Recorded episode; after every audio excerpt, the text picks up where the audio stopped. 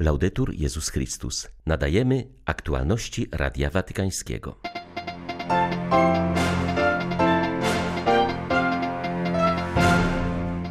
Katolicy i prawosławni są na dobrej drodze do jedności, powiedział po spotkaniu z papieżem nowy prawosławny metropolita Włoch Polikarp.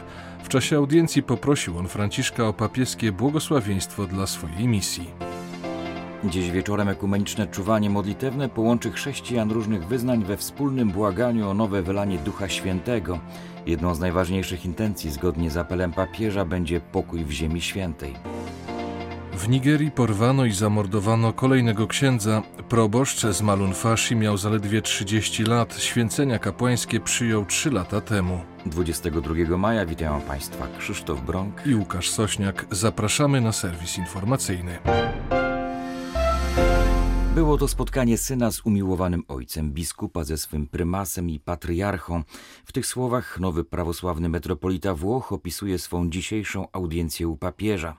Metropolita Polikarp jest we Włoszech przedstawicielem ekumenicznego patriarchy Konstantynopola. Przyznaje, że podczas audiencji poprosił Franciszka o papieskie błogosławieństwo dla swej misji w tym kraju. Metropolita Polikarp przyznał, że wspólne dążenie katolików i prawosławnych do jedności jest niezachwiane, ostrzegł jednak, że zagrożeniem dla niego może być relatywizm, obojętność i pesymizm, powierzchowna tylko wizja jedności o charakterze administracyjnym i instytucjonalnym. Dążenie do jedności może też zostać osłabione przez sekularyzację i gry geopolityczne. Kościół nie jest instytucją z tego świata, lecz jest bosko-ludzkim ciałem Chrystusa. Kościół jest niepodzielony, podzieleni są chrześcijanie, dodał metropolita Polikarp. Zdumiewające jest jednak to, jak szczera jest bliskość, gesty i inicjatywy papieża Franciszka i patriarchy Bartłomieja.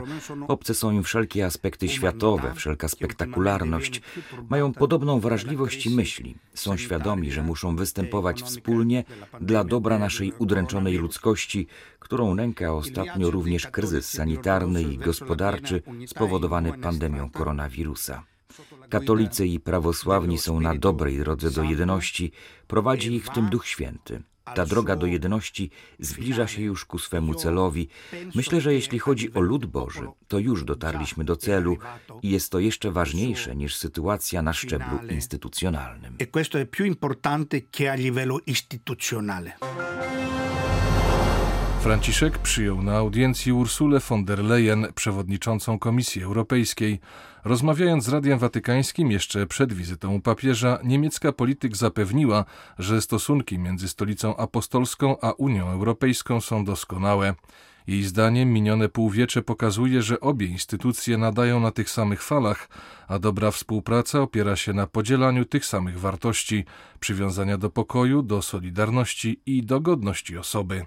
Franciszek rozmawiał z niemiecką polityk przez pół godziny. Podjęto takie tematy jak rozwój ludzki i społeczny na kontynencie, konsekwencje pandemii, zmiany klimatyczne i migracje, a także sytuacja na Bliskim Wschodzie. Rozmawiając z Radiem Watykańskim, podzieliła się również refleksjami na temat roli chrześcijaństwa we współczesnej Europie.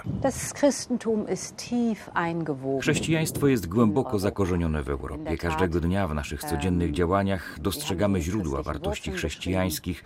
Kiedy mówimy o wielkim temacie pokoju, kiedy mówimy o godności osoby, na przykład w praworządności, ale także kiedy mówimy o solidarności i mówiąc nieco starszym językiem, o miłosierdziu. Przy tych okazjach dostrzegamy chrześcijańskie korzenie, a także głębię, z jaką są one wplecione w nasze czasy, ale także troska o stworzenie, kiedy na przykład mówimy o zmianach klimatycznych. Dlatego chrześcijaństwo i wartości, na których się ono opiera, odgrywają ważną rolę w naszych codziennych sprawach.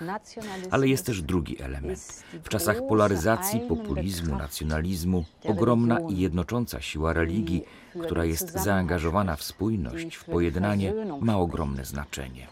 A jeśli pamiętamy, że jest to element jednoczący, który daje nam siłę, by stawić czoła codzienności, a przede wszystkim czekającym nas zobowiązaniom, to możemy zrozumieć, jak wielką rolę odgrywa religia. Papież Franciszek przyjął w Watykanie uczniów i nauczycieli włoskiej szkoły zawodowej imienia Giorgia Ambrosoli Scodonio. Świat pracy jest jedną z największych ofiar pandemii koronawirusa, Dlatego wasze wysiłki i sukcesy są dla nas znakiem nadziei, powiedział Ojciec Święty. Franciszek zaznaczył, że docierają do niego z wielu krajów pozytywne świadectwa powrotu uczniów do szkolnych ławek. Macie w sobie siłę i pragnienia, które, jeśli są pobudzane przez mądrość i pasję dorosłych, przynoszą spektakularne owoce. Zauważył, że relacje pomiędzy uczniami i nauczycielami zostały osłabione podczas długich miesięcy nauki na odległość. To negatywne doświadczenie może nauczyć Was znaczenia prawdziwych, a nie wirtualnych relacji międzyludzkich, zaznaczył Ojciec Święty. Wy, chłopcy i dziewczęta, jesteście dziećmi społeczeństwa cyfrowego, które otworzyło nowe drogi wiedzy i komunikacji.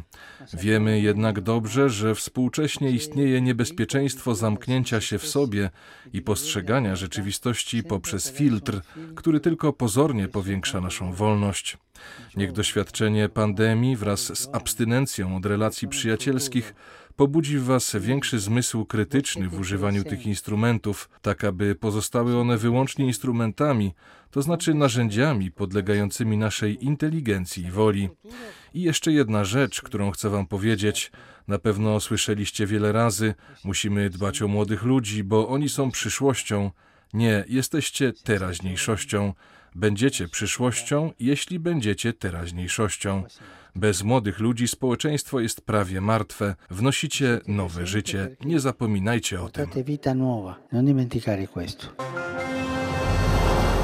Papież oficjalnym dekretem Stolicy Apostolskiej uznał heroiczność cnót ojca Bernarda Kryszkiewicza. Oznacza to, że już niebawem pasjonista może trafić na ołtarze.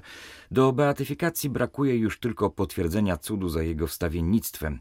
Zmarłemu w wieku zaledwie 30 lat zakonnikowi wielkie uznanie przyniosła ofiarna praca duszpasterska podczas okupacji hitlerowskiej. Ojciec Bernard z wielką ofiarnością pomagał rannym oraz wspierał duchowo tych, którzy się załamywali.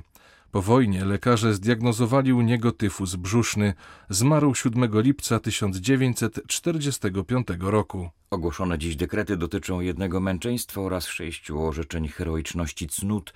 Oficjalnie uznaną dziś męczennicą jest peruwiańska zakonnica Agostina Rivas Lopez, rozstrzelana w 1990 roku przez partyzantów wraz z sześcioma innymi mieszkańcami wioski La Florida. Dziś wieczorem ekumeniczne czuwanie modlitewne połączy chrześcijan różnych wyznań we wspólnej modlitwie o nowe wylanie Ducha Świętego. Ośrodkiem modlitwy będą cztery miasta. Jerozolima, gdzie w wieczerniku miało miejsce zesłanie Ducha Świętego, Topeka w Stanach Zjednoczonych, gdzie w 1900 roku zainicjowany został ruch zielonoświątkowy, Rzym oraz Buenos Aires, gdzie zainicjowany został dialog katolickiego ruchu charyzmatycznego i innych wspólnot chrześcijańskich. Przewidziane są wideo przesłania papieża Franciszka i prymasa wspólnoty anglikańskiej. Czuwanie rozpocznie się o godzinie 21 i będzie transmitowane m.in. przez watykańskie media.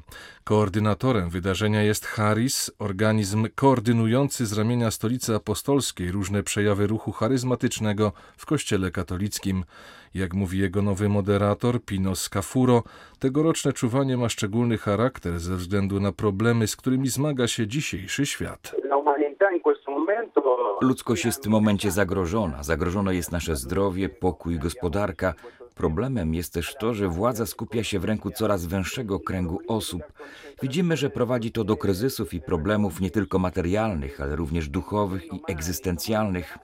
Jesteśmy zatem przekonani, że ludzkość stoi wobec problemu, ale wierzymy w obietnicę daną nam przez Jezusa. Ześlę wam moc wysoka. My wierzymy, że jest to prawdziwa obietnica, a nie tylko piękne słowa na pożegnanie, aby pocieszyć uczniów. Poprzez swój dar Jezus chciał obudzić swych uczniów i to samo chce zrobić i z nami. Musimy wierzyć w tę obietnicę, musimy żyć według tej obietnicy, że otrzymamy moc wysoka, z nieba. My w to wierzymy.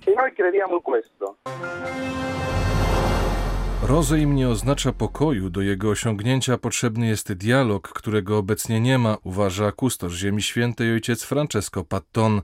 Zaznacza jednak, że przerwanie walk to wielka szansa na rozpoczęcie procesu odbudowy wzajemnego zaufania. Podkreśla, że znaczący wpływ na zawieszenie broni miały apele papieża Franciszka, którego moralny autorytet ma na świecie wielkie znaczenie. Zawieszenie broni stało się okazją do świętowania w Jerozolimie, w strefie gazy i na zachodnim brzegu brzegu. Rozejm rozpoczął się o drugiej w nocy. Ludzie wyszli na ulicę, tańczyli, odpalali petardy. Wszyscy tutaj potrzebują pokoju, pragnie go każda ze stron. To dobry sygnał, że dialog jest możliwy, powiedział w rozmowie z Radiem Watykańskim ojciec Patton. Słowa papieża są ważne, należą do nielicznych, którzy wzywają do pokoju. Ojciec Święty zajmował się tą sprawą nie tylko, gdy dochodziło do starć. Towarzyszy nam od wielu lat w dążeniu do braterstwa w ojczyźnie Jezusa. Franciszek wielokrotnie mówił o znaczeniu Jerozolimy, miasta, które musi być miejscem pokojowej modlitwy dla wiernych trzech religii, wywodzących się od Abrahama, gdzie wszyscy czują się mile widziani. Głos papieża jest szczególnie ważny, ponieważ w tej chwili jest on najbardziej znaczącym autorytetem moralnym na świecie. Słychać go wyraźniej od innych, dlatego że jest ponad podziałami, liczy się dla niego dobro ludzi, a szczególną uwagę zwraca zawsze na sytuację cywilów. Zdaniem ojca Pattona, pięćdziesiątnica to najlepszy czas dla modlitwy o pokój. Jak opowiadają o tym wydarzeniu dzieje apostolskie, języki zostały rozwiązane, uszy otwarte, a ludzie zaczęli się wzajemnie rozumieć. To fundament dialogu, którego teraz tak bardzo potrzebujemy, aby mieć choć trochę braterstwa i pokoju, powiedział kustosz Ziemi Świętej. Ksiądz Alfonsus Bello, proboszcz parafii świętego Wincentego w Malufashi na północy Nigerii, został porwany i brutalnie zamordowany przez nieznanych sprawców. Miał zaledwie 30 lat. Święcenia kapłańskie przyjął trzy lata temu. Los starszego księdza, którego uprowadzono wraz z nim, 70-letniego Joe'ego Keke, pozostaje nieznany. Jak donosi agencja Fides, w nocy 20 maja grupa uzbrojonych mężczyzn wtargnęła na teren parafii i otworzyła ogień, raniąc kilka przebywających tam osób. Zabrali ze sobą obecnego proboszcza i jego poprzednika. Ciało młodszego z księży znaleziono następnego dnia, porzucone na polu uprawnym niedaleko kościoła. Urna z prochami kobiet zamordowanych w niemieckim obozie w Ravensbrück została złożona na Jasnej Górze. Spośród 132 tysięcy więźniarek co trzecia była Polką. Jeszcze w obozie przyrzekły Matce Bożej, że jeśli przeżyją to piekło, to przybędą z podziękowaniem do Częstochowy. Pierwsza taka pielgrzymka odbyła się już w 1946 roku z inicjatywy Józefy Kantor, nazywanej proboszczem w Pasiaku. Obozowe śluby wypełniają teraz rodziny i przyjaciele. Alabastrowe wotum ma kształt róży, bo właśnie te kwiaty wyrosły pod obozowymi murami, gdzie grzebano ciała więźniarek. Ich prochy wrzucane były też do pobliskiego jeziora.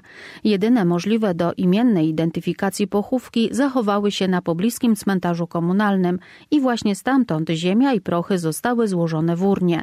Wotum wykonała Aleksandra Kan-Bogomilska, córka więźniarki. Ziemia z tego grąbu z kawałkiem sprzączki, guzika, który nie spłonął, naszych dziewczyn, które umierały z Polską, z Bogiem i z tęsknotą za rodziną na ustach, wraca tutaj w ręce jasnogórskiej pani. Wiara, miłość, honor, wierność były fundamentem życia więźniarek. My chcemy te wartości przenosić w dzisiejszy świat, powiedziała wiceprezes Stowarzyszenia Rodzina Więźniarek niemieckiego obozu koncentracyjnego Ravensbrück Maria Lorenz, córka więźniarki Katarzyny Matei. My staramy się to przenieść po to, żeby echo ich głosów nie zamilkło, żebyśmy zawsze pamiętali, co się może zdarzyć, o tej dwoistości natury człowieka. Te, które miały być sponiewierane, zostały zwycięzcami. W Ravensbrück, największym obozie dla kobiet i dzieci, przeprowadzano zbrodnicze doświadczenia pseudomedyczne.